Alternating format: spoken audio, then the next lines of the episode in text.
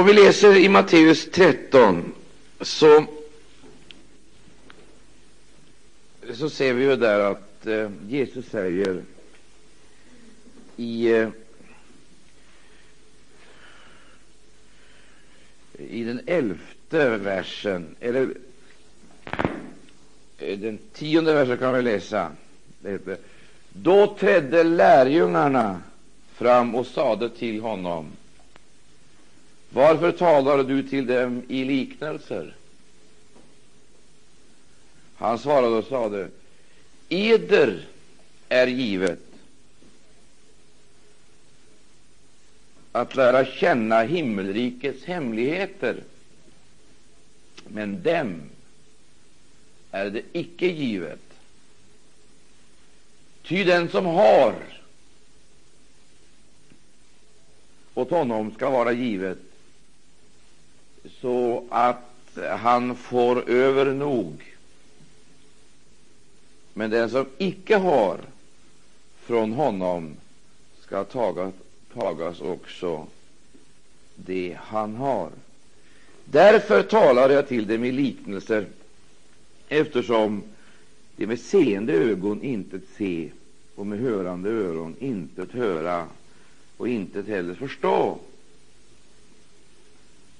så fullbordas på dem Esaias profetia, den som säger med hörande öron skulle ni höra och dock alls intet förstå, och med seende ögon skulle ni se och dock alls intet förnimma, ty detta folks hjärta har blivit förstockat och med öronen höra det illa och sina ögon har de tillslutit så att de icke se med sina ögon eller höra med sina öron, eller förstå med sina hjärtan och omvända sig och bliva helade av mig. Men saliga äro edra ögon som se och edra öron som höra. Alltså, jag tror att det jag tror att det är oerhört viktigt att man lär sig vissa grundläggande fakta som man aldrig kan komma ifrån. Grundläggande fakta. Nämligen detta att Guds ord, det är det första, Guds ord verkar alltid alltså tvåfaldigt. Det verkar till frigörelse eller till förhärdelse. Alltså, Guds ord verkar alltid antingen klarsyn, alltså det vill säga så att vi blir klarsynta, eller också så verkar det att vi blir avtrubbade. Alltså antingen blir vi skärpta eller så blir vi avtrubbade. Det med det här som det är med elektriska strömmen. Det verkar kyla i kylskåpet och värme i värmeskåpet. Det är samma ström, men det är olika instrument som åstadkommer olika resultat. I det ena fallet värme, i det andra fallet kyla. Och på så sätt kan man säga att Guds ord är dubbelverkande. Det verkar bildligt talat kyla eller värme. Det är avgörande på instrumentet som finns i vårt väsen, vårt hjärta och grundinställning. Och nu är det så här att vi har med oss den här kolossala benägenheten att blanda ihop för att liksom få en frälsningslära som passar oss. Alltså en frälsningslära utan omvändelse, eh, ett dop som är förändrat, ett andedop som har andra kvaliteter eller någonting sånt där. Vi bibehåller uttrycken, termerna, namnen. Men istället för att verka det Gud har avsett, så har det rakt motsatt verkan. Jag tror faktiskt jag ska göra någonting här. Jag ska ta ett konkret exempel för att åskådliggöra det. Vi har talat om såningsmän, vi har talat om stengrunden, vi har talat om, om vägen. Vi har talat om trädet, vi har talat om alltså senapskornet, växten som blir träd. Vi har talat om eh, eh, surdegen som kastas in i mjölet och så vidare. Vi har berört de här tingen. Och vi, vi måste göra klart för oss att det Jesus här talar om, det är konkreta, verkliga ting. Detta sker. Det här är inte, och, och, och det är mycket vanliga ting.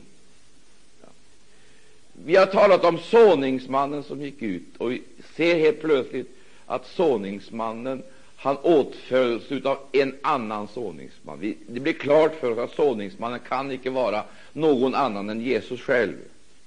Och en annan såningsman går ut där folket sover.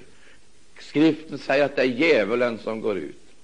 Och då vi, då, lyssna här, då vi, då vi tänker på detta, att en såningsman går ut och det är frågan om himmelriket, då tänker vi på himmelrikets kvaliteter som någonting, som någonting, eh, eh, någonting underbart och härligt, någonting eh, gott.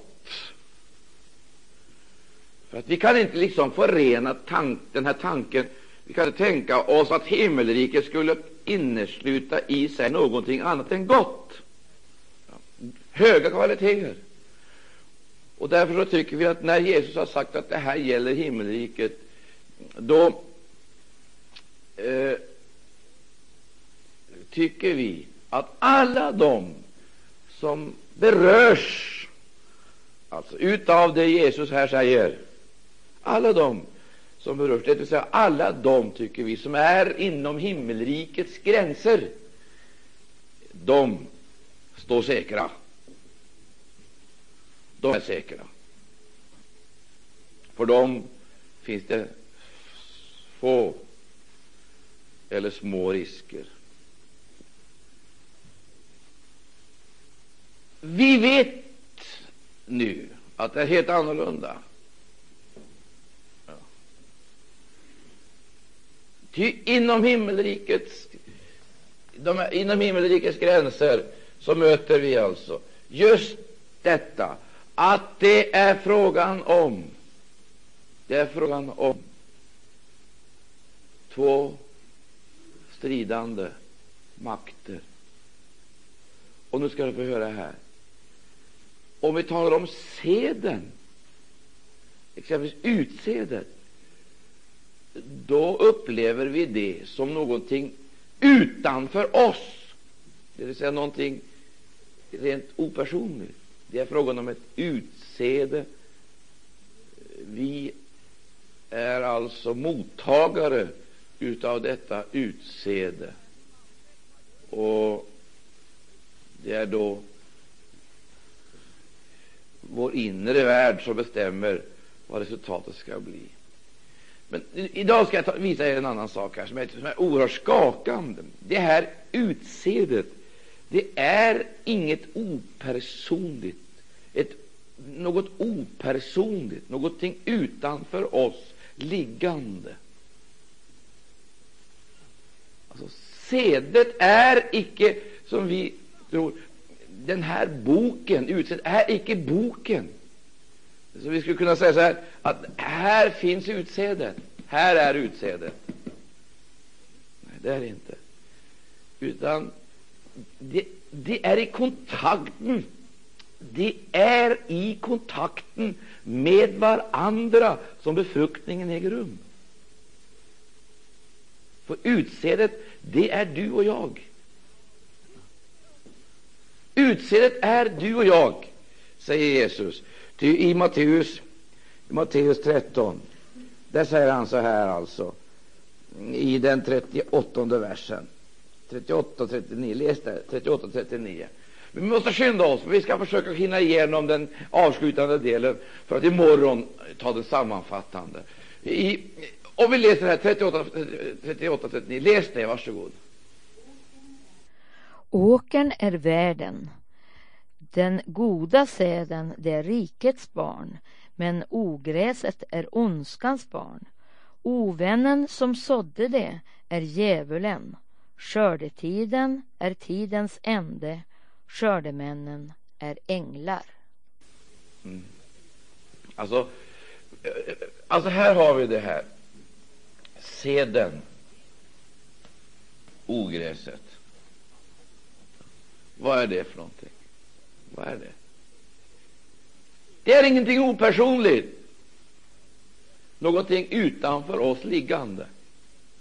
Det är ingenting som vi tar i våra händer och liksom kastar runt omkring, kastar ut. Ett faktum är det är vi som är sedet. Det är vi som är utsedet. Och därför heter det seden. Vilka är det? Det är rikets barn. Ja, lägger vi märke till det? Och vad är då ogräset, står det?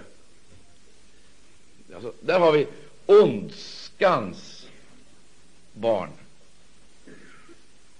Ondskans barn. Nu ska vi ta den här konkreta situationen alltså, som egentligen är så väldigt svår. Alltså, vi måste göra klart för oss att inom de här gränserna så kommer vi i kontakten med det här, i kontakten med dem som kallar sig, eh, som, som säger sig vara bekännande kristna, i kontakten med dessa människor så sker det någonting, en befruktning. Kontakt. Vi befruktas eller befruktar.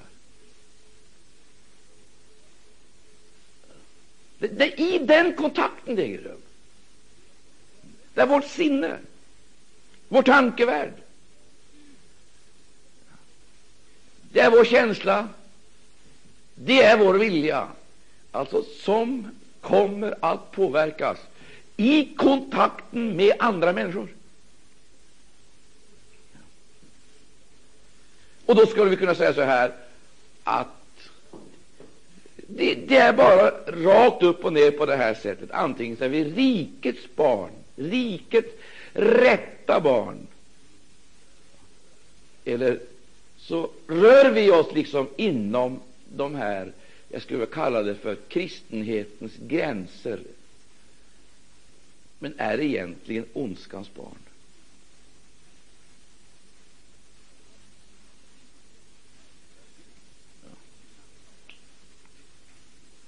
Nu ska vi ta upp den rent konkreta situationen. Det kan inte förnekas att det är på det här sättet.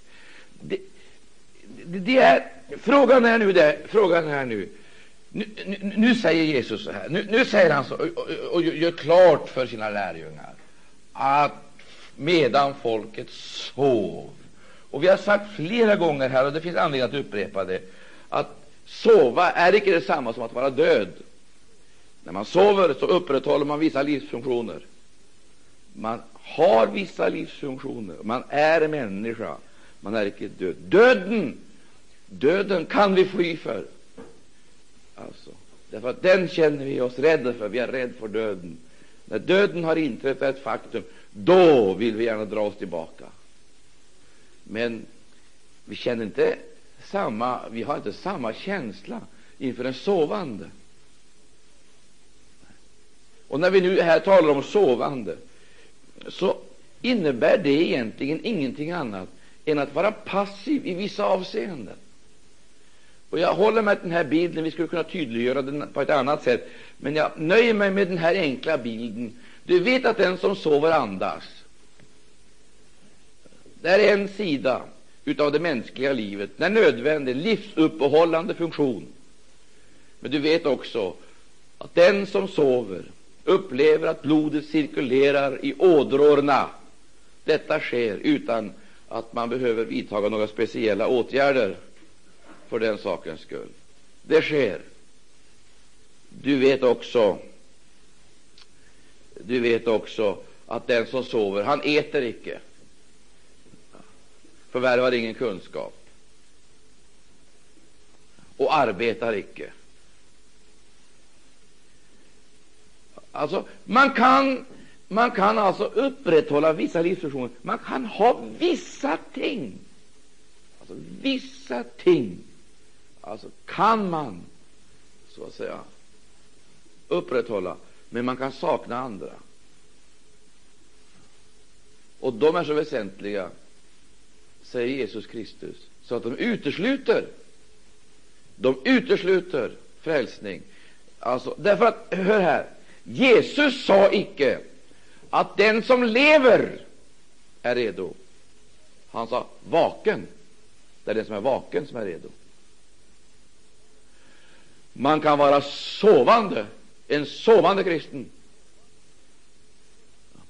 Exempelvis, det visar sig i vårt umgänge med Bibeln. En sovande kristen har lite eller små anspråk på att förvärva kunskap i ordet. Har ingen behov av Bibeln. Det är en tumverskristen, kallar jag det. Man läser icke därför att man måste nära sitt trosliv och utvecklas genom att skaffa sig ny kunskap, utan man gör det därför att döva en anklagande röst i hjärtat. Det tillhör det kristna livet att man ska läsa Bibeln, och därför så läser man en vers eller någonting, läser en bibelvers eller läser 15 minuter kanske på kvällen någon gång. Det är, det, det är likadant med detta. Vi kan inte hela vårt liv underlåta att exempelvis förvalta pundet vi har fått. Låta bli att förvalta det och tänka att detta skall kunna föra med frälsning. Den som underlåter att förvalta sitt pund somnar. Somnar.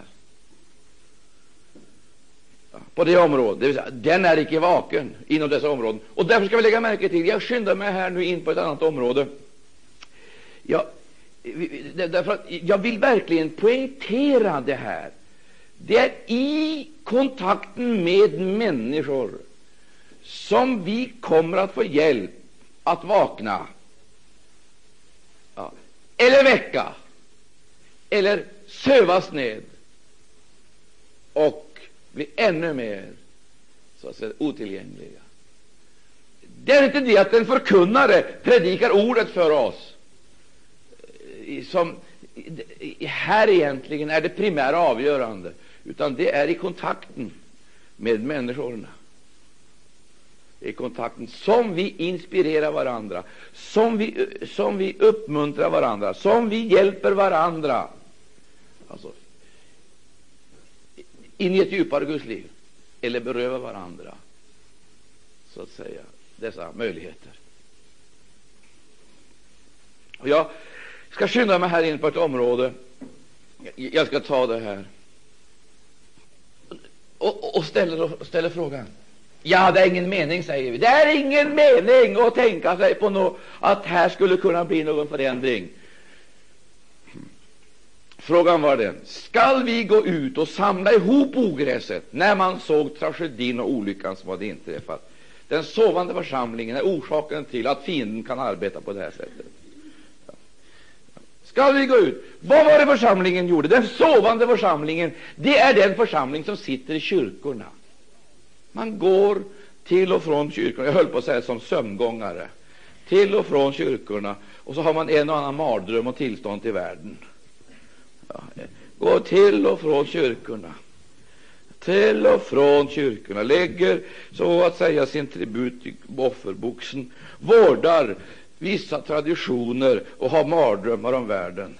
Knäpper ihop rocken, har skygglappar för ögonen, knäpper ihop för att inte frysa. Och stänger ögonen för att inte se. Ingenting se.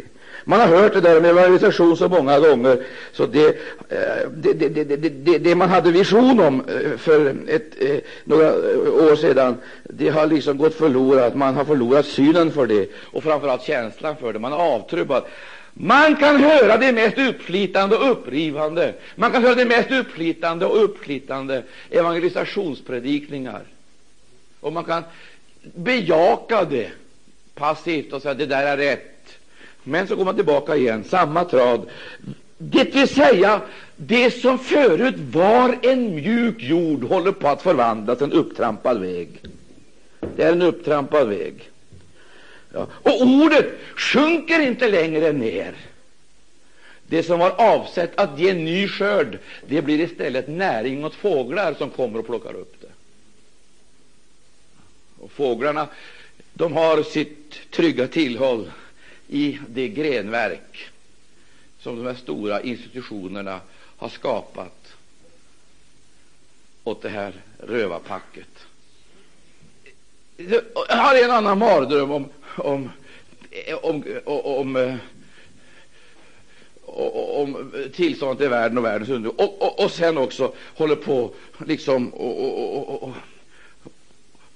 och, och, och sysslar med religiösa delikatesser av någon, slag, av någon sort. Specialiserar sig på någonting. Alltså. Medan folket sover. Det, det vill säga, det är de som med seende ögon ingenting ser och det är de som med hörande öron ingenting hör. Där har du hindret för Guds verk, men där har du också redskapet för Satans verk. Hör du det? Där har du hindret. Jag skulle vilja kalla det det är detta ohyggliga sömngångartåg som drar igenom, situationen, drar igenom historien och som finns i nuet. Sömngångarna i brosalen som har hört de mest uppslitande predikningar om Jesu tillkommelse, om evangelisation och mission, om nödvändigheten av att bryta upp ifrån materialismen, och som första gången så att säga hoppade till och sade att det där var allvarligt och fick en chock, för att inte säga man upplevde det som en knockout. Man kände det, det tog i samvete så det höll på att slita sönder hela bröstet. Va? Så satte man sig i rörelse, tog man en liten, liten del, gjorde någonting, no, någonting. Då tycker man att då hade man rättfärdigat sig. När man hade gjort detta, vad gjorde man då? Då satte man sig till ro och så njöt man, därför att då hade man gått åtminstone ett steg längre än de andra. Och så kände man sig trygg, trygg och säker. Så kom nästa appell. Den tog också men inte så hårt och så djupt som första. Och så kom nästa. Och så kom nästa. Och så kom nästa. Och sen så såg man det här förkroppsligat hos andra människor. Till sist så blev man van vid det. Blev man van med alltihop, man blev van vid det. Det hörde till livsrytmen att några skulle göra på det där viset. Men då satt man trygg, trygg och trygg och var liksom Det är klart att det här, någon, ska, någon måste göra på det där sättet. Det, det, det är de, framförallt, det är de unga som ska göra så här, som inte förstår bättre. Det är de som inte begriper bättre. Det är de som ska handla så här. Eller också så hade man en annan, en annan ursäkt. Ta hela Jesu undervisning. Vad säger han för någonting? Himmelriket är likt. Vad då för någonting? En konung som gjorde bröllop åt sin son. Och det var inget vanligt bondbröllop. Det ska jag tala om för er. Utan det var ett rejält bröllop. Det var det. Och han sände ut sina tjänare och han bjöd dem komma. Han bjöd dem komma. De tog emot inviten alla lika artigt och belevat, lika världsvant och fint. Och så sa ja, vi lyckönskar konungen, men ta emot vår ursäkt. Det är på det här sättet att jag har skaffat mig några oxar som jag måste pröva. Då tänker vi, där ser du hur världen reagerar inför, inför kallelsen. Jo, du, då har vi förenklat det. Det vill säga, då har vi placerat oss själva utanför, för vi är ju innanför himmelrikets gränser och är trygga. Men det heter himmelriket är likt det vänder sig till Guds folk. Och nu har jag tänkt och undrat vad kan oxarna vara för någonting? För det måste vara något jätteviktigt.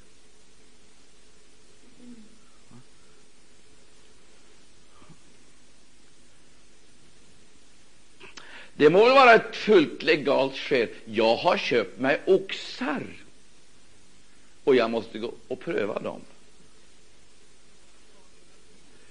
Att han avslöjar dårskap, det är ju en annan sak. Det är ingen som går och köper oxar först och prövar dem sen. Man prövar ju oxarna först innan man köper dem. Alltså, han avslöjar sin dårskap, men det förstod han inte. Det var för dumt att begripa. Men har ni inte sett det då, att de som har fastnat någonstans, de är otroligt dumma? Har du inte sett det? Vad, vad, vad, vad otroligt dumma de är. Därför att de finner det nödvändigt att pröva någonting, satsa på någonting som i deras ögon är så betydelsefullt så att det överflyglar allt annat. Och nu frågar jag mig, vad är det för galning som går och köper oxar först och ska pröva dem sedan? Vad är det för något?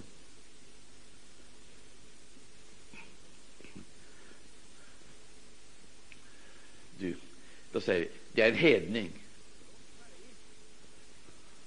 Nej, du, det är det inte. Det är det inte.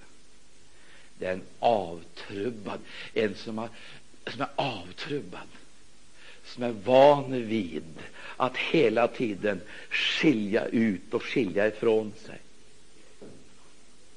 det som inte är. Vad då för någonting?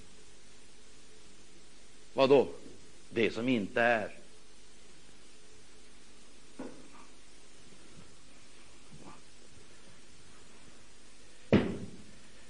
Hur många oxar har du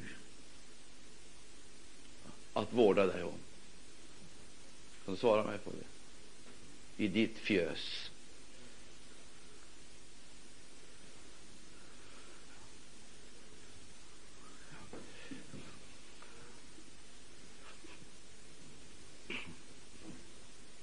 Den andra säger, jag har tagit mig hustru. Jag har köpt mig oxar. Det handlar inte om egodelar, det handlar om arbete. En klok arbetare. Jag har tagit mig hustru. Där har du familjesjälen. Men det är ändå så otroligt så otroligt att den här konungen kan vara så oförnuftig så att han går och stör människor som är inne i ett betydelsefullt arbete och som lever i en harmonisk familjesituation. Att han ska störa dem och irritera dem. Och det heter om en annan. Vad hade han gjort för någonting? Den tredje. Jag köpte en åker. En åker. Han skulle, han ut, han skulle ut och be se den. Detta är alltsammans viktiga skäl. Ett skäl ett, skäl två, skäl tre. Ja. Oxarna, åkern, oxarna, hustrun, åkern. Det är fullständigt, allt fullständigt legala ting, förnuftiga ting. Vad är det för väckelse som upplöser alla de här banden och gör förnuftiga människor så galna så att de hux flux är redo att lämna oxarna? Eller helt plötsligt börjar att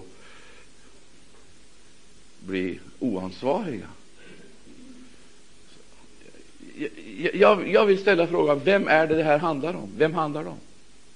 Det handlar inte om världen, utan det handlar om det som är inom himmelrikets gränser. De kom inte, men då går budet ut. Gå ut på gator och gränder! Nödga dem att komma. Men hör här. Jag skulle vilja gå in på e, e, ytterligare e, ett område i det här sammanhanget som jag tycker är så oerhört skakande. Gå ut på gator den här inviten som kom ifrån den här konungen åtföljdes utav kläder, utav färdigsydda, färdiggjorda, individuellt anpassade kläder till varje bröllopsgäst. Budet går ut, klädedräkten följer med inviten. Det överlämnas åt gästerna. Och när själva bröllopsdagen är inne så kommer konungen och så går han in i förrummet eller väntrummet. Och vad får han se? Där får han se en som icke hade bröllopskläder. Det vill säga, han hade kommit igenom kontrollen utan bröllopskläder. Då vänder vi, då vänder Jesus på liknelsen. För det första så möter du de här människorna som icke ville. Icke ville. De stannade därför att de hade ting som var betydelsefullare för dem. Sen hur konungen uppfattade detta, det var för dem helt underordnat. För det var deras det handlade om. Deras torva, deras ägodelar. Det var deras område. Hur konungen reagerade, det reflekterade de inte på annat än att de trodde att han skulle ha en förstå, full förståelse för en artig ja, ursäkt. Men så möter du dem, och där igen, så möter du dem som hör. Men som istället då för att ta den klädnad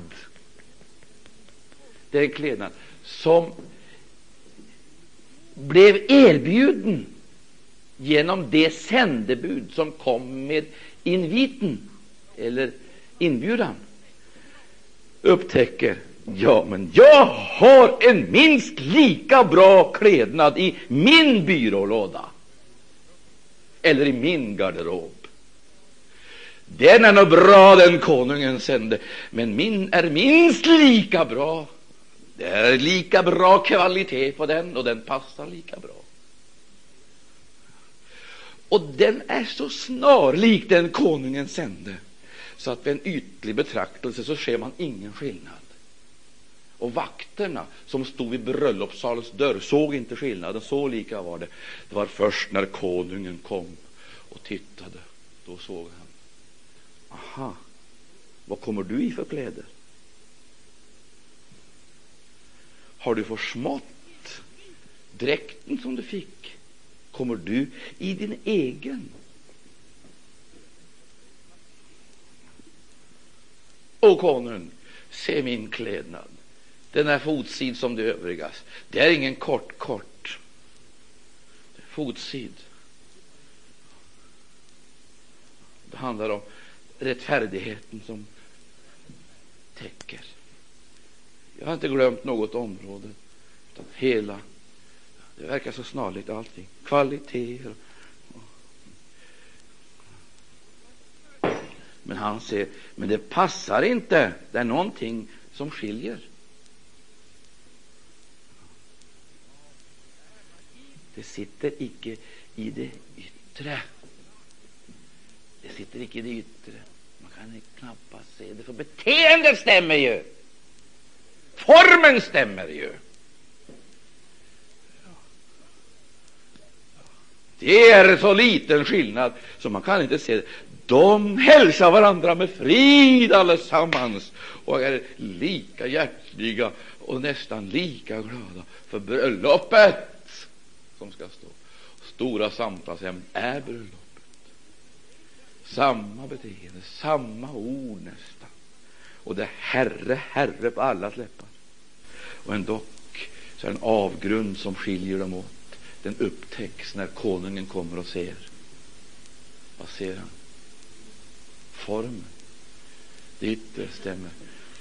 Men han ser kvaliteten. Jag höll på att säga det finns en rättfärdighet som håller i det vi kan kalla för församlingen på jorden. Men den går, håller aldrig i himlen.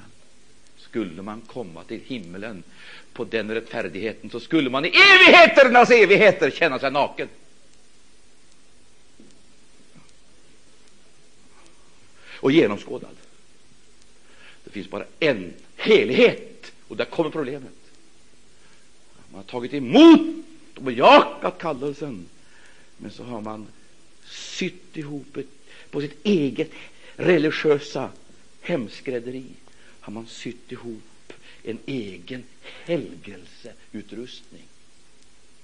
Så kommer man den, med den nästan lite stolt över att det här är nästan lika bra som det andra. Men mästaren ser. Han ser. Det är en väsentlig skillnad. Vad står det om, vad står det om det heligas rättfärdighet? Det äkta. Står inte det? Vita linnet.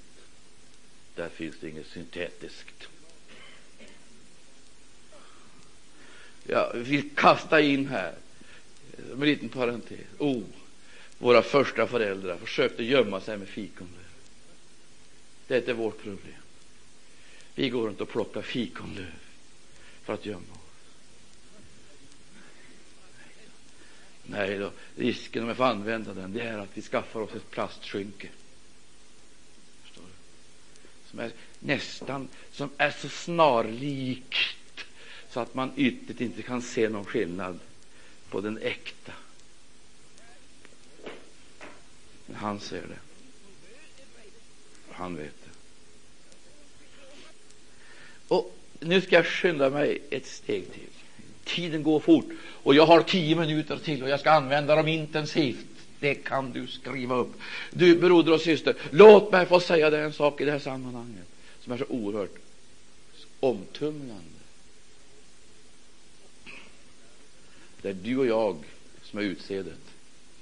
Antingen är vi rikets barn eller ondskans.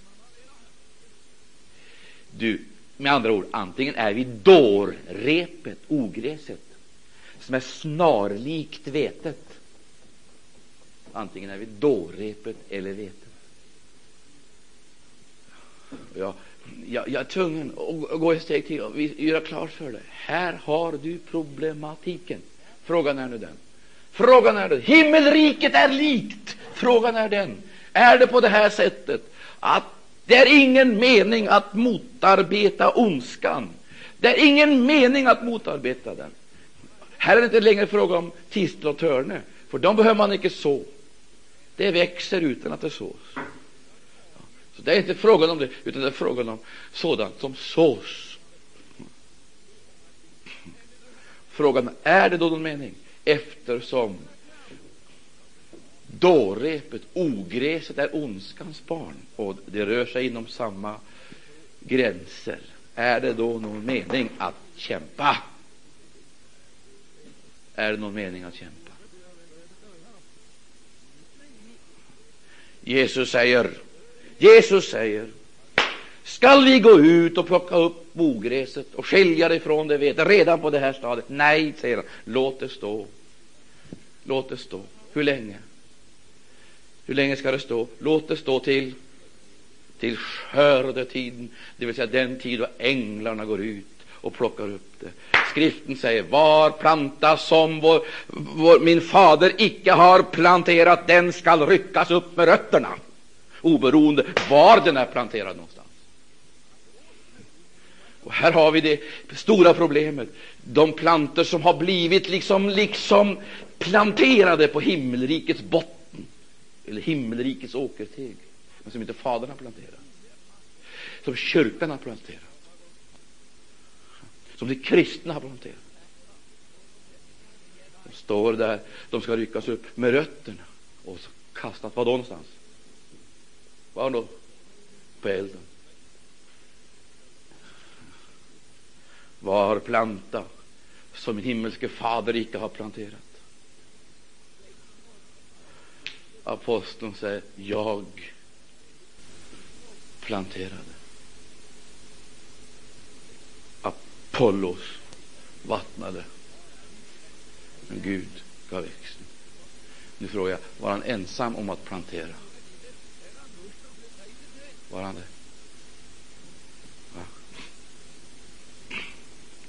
Var han ensam om att plantera? Frågan är den. Är det någon mening att kämpa? Dårepet för åkern, surdegen för skeppan. Ända fram till sista stadiet, när själva kornet eller vetet har pulveriserats till mikroskopiska små, små beståndsdelar och inte längre kan plockas ihop till ett helt korn för att ånyo kastas i åkern för att bli en nytt säd. Är det någon mening? Kvinnan kastar in sin surdeg och förstör alltihop. Ända fram till slutet. Kvinnan kastar in sin surdeg. Allt förstörs. Då frågar man sig, är det någon mening att bekämpa det? Är det Vi har en liten hörna utav åkern. Vi kallar den församlingen. Varför inte vara konkret och säga det här är Maranataförsamling. Det är väl ingen mening. Här har vi både Efesus kristna och Laodicea kristna. Efesus kristendomen fortplantar sig. Det är de som har förlorat den första kärleken. Vi har Tyatira-kristna, de förvärldsligade kristna. Vi har Pergamus-kristna som är öppen för avgrundsliknande djupheter. Så allt, mitt i alltihop så har vi Smyrna-kristna som lider förföljelse för sin tro. Och så har vi ett litet brinnande Philadelphia. Är det någon mening?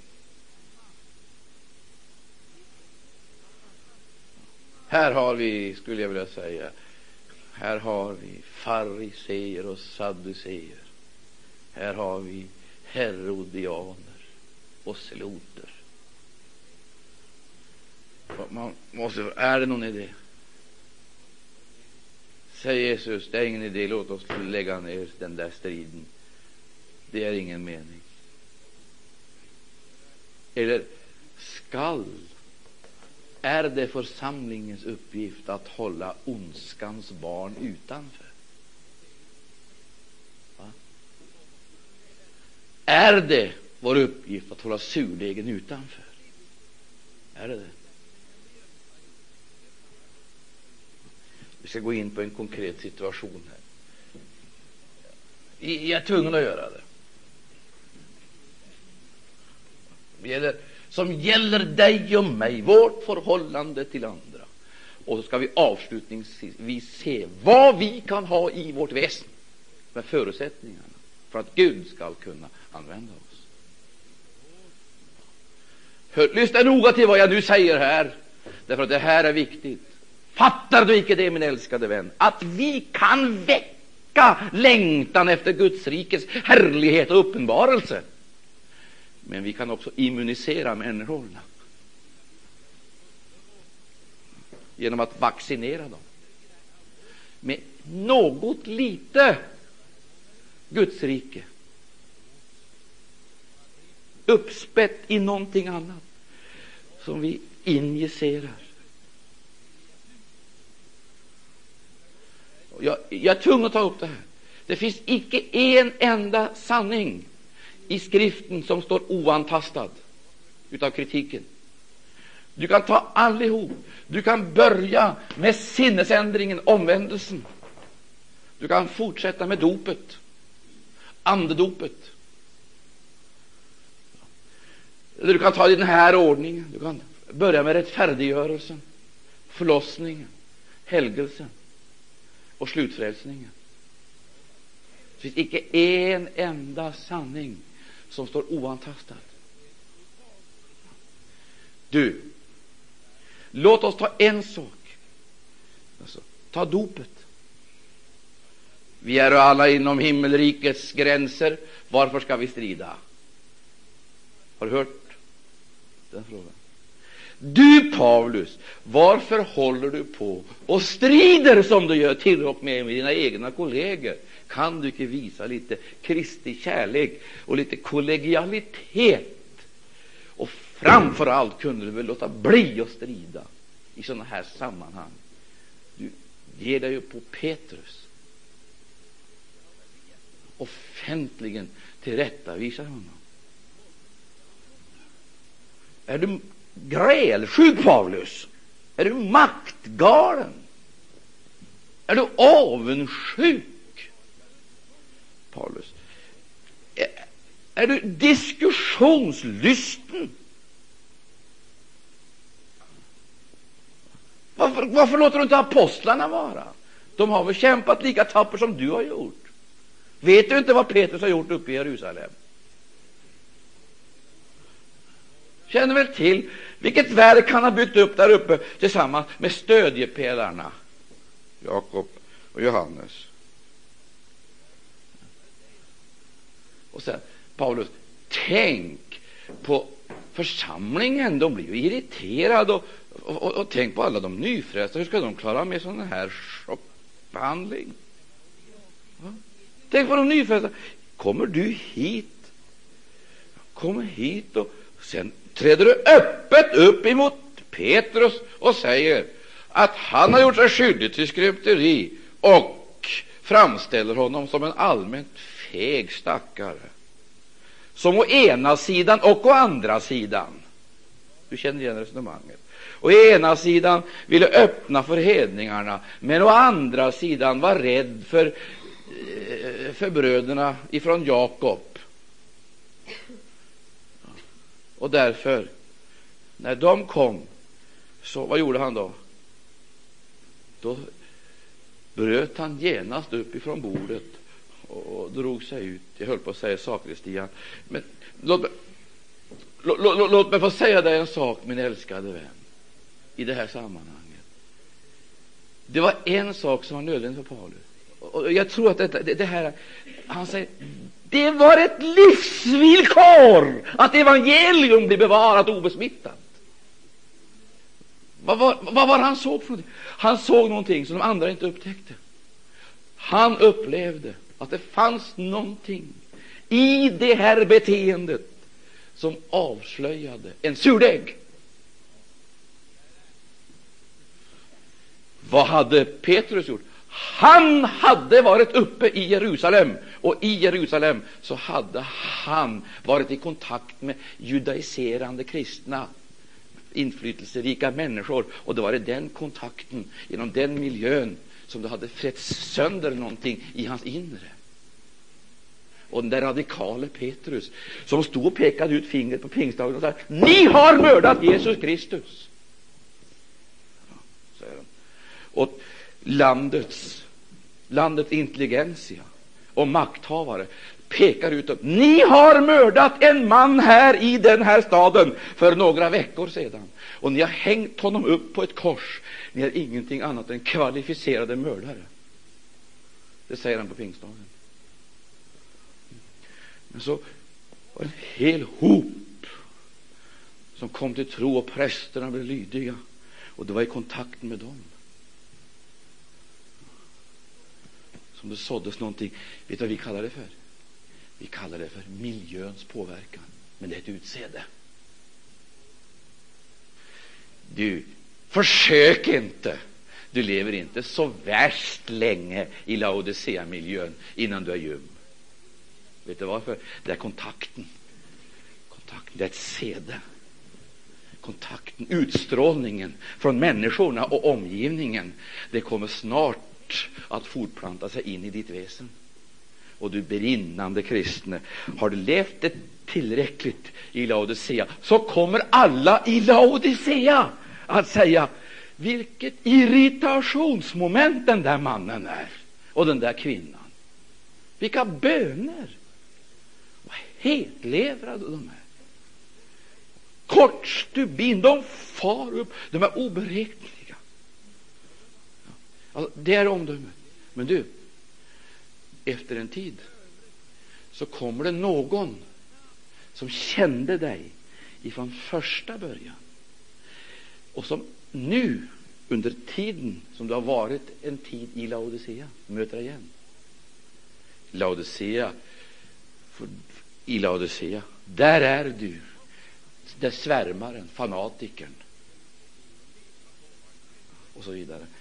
Men så kommer det någon som var med ifrån början, som har bevarats i Philadelphia-anden, därför att de har levt i den kontakten. Halleluja. I den där lilla församlingen, kämpande församlingen, så kommer de, så möter de, så säger, tittar de på det och säger, men vad avtrubbad du har blivit. Men jag, jag känner inte igen dig. Vad rund och jovialisk. Vad har kanterna tagit vägen? Vad konstigt du talar. Men, vad, vad konstigt du talar. Vilka ord du har. Ja, och, orden... Du är inte samma människa. Kontakten med omgivningen har präglat dig. Jag vill säga till en sak, min älskade. Det finns bara ett sätt att rädda sig. Det är icke att säga nu ska vi stanna kvar innanför för att vi ska påverka så att säga församlingen inifrån. Vi ska stanna innanför nu. Du kan tro att man gör det när till och med Jesus är utkastad. Va? Han gick i kabod, står det i skriften. Och jag höll på praktiskt taget att gå i bitar då jag hörde det härom natten. I kabot! Härligheten är borta ifrån Guds hus. Vad finns kvar? Det är fretande krafter. Vad säger han? Mitt hus, eller edert hus, säger han, skall stå öde och övergivet. Vad säger han vidare? Han säger så här. Däråt den är. Dit ska rovfåglarna församla sig. Du, försök att få någon ordning på den församling som Jesus inte har lyckats få någon ordning på. Försök. kommer aldrig att gå. Det är mycket bättre att följa med Jesus ut. Mycket bättre. Och det står om Jesus att han stod utanför och klappade. Han stod inte på predikstolen och talade. Han stod utanför och klappade. Och jag har en känsla att vår uppgift idag, det är att stå utanför med Jesus och slå hårt på dörrarna. Men vi får överlämna åt dem om de ska öppna. Men jag tror inte på någon massförändring i kristenheten. Den kommer med matematisk precision att utveckla sig. Vet du varför? Den utvecklar sig mot det mål som är dårrepets slut. Vad då för någonting?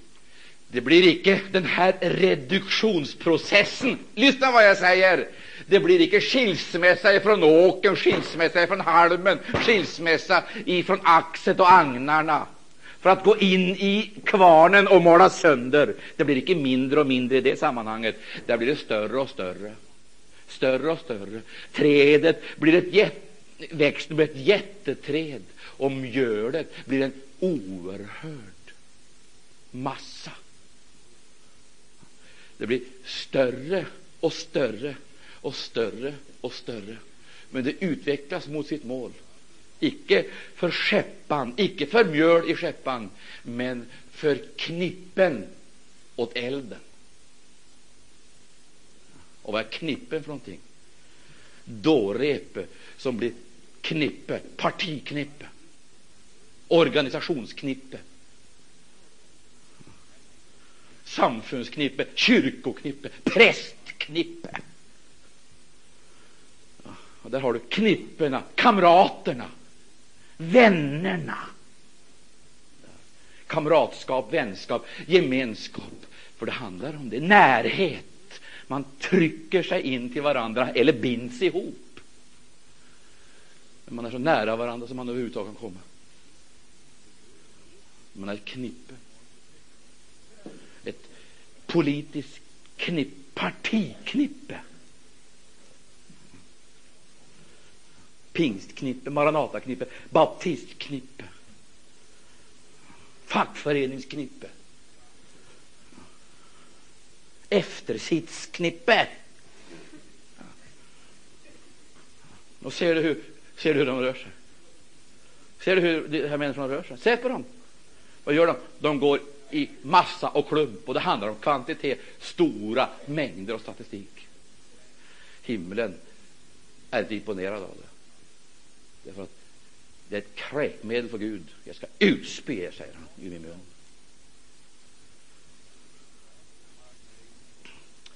Du, jag talar allvarliga ord här. Jag vill göra klart för en sak. Dessa knippen som sen kastas i elden.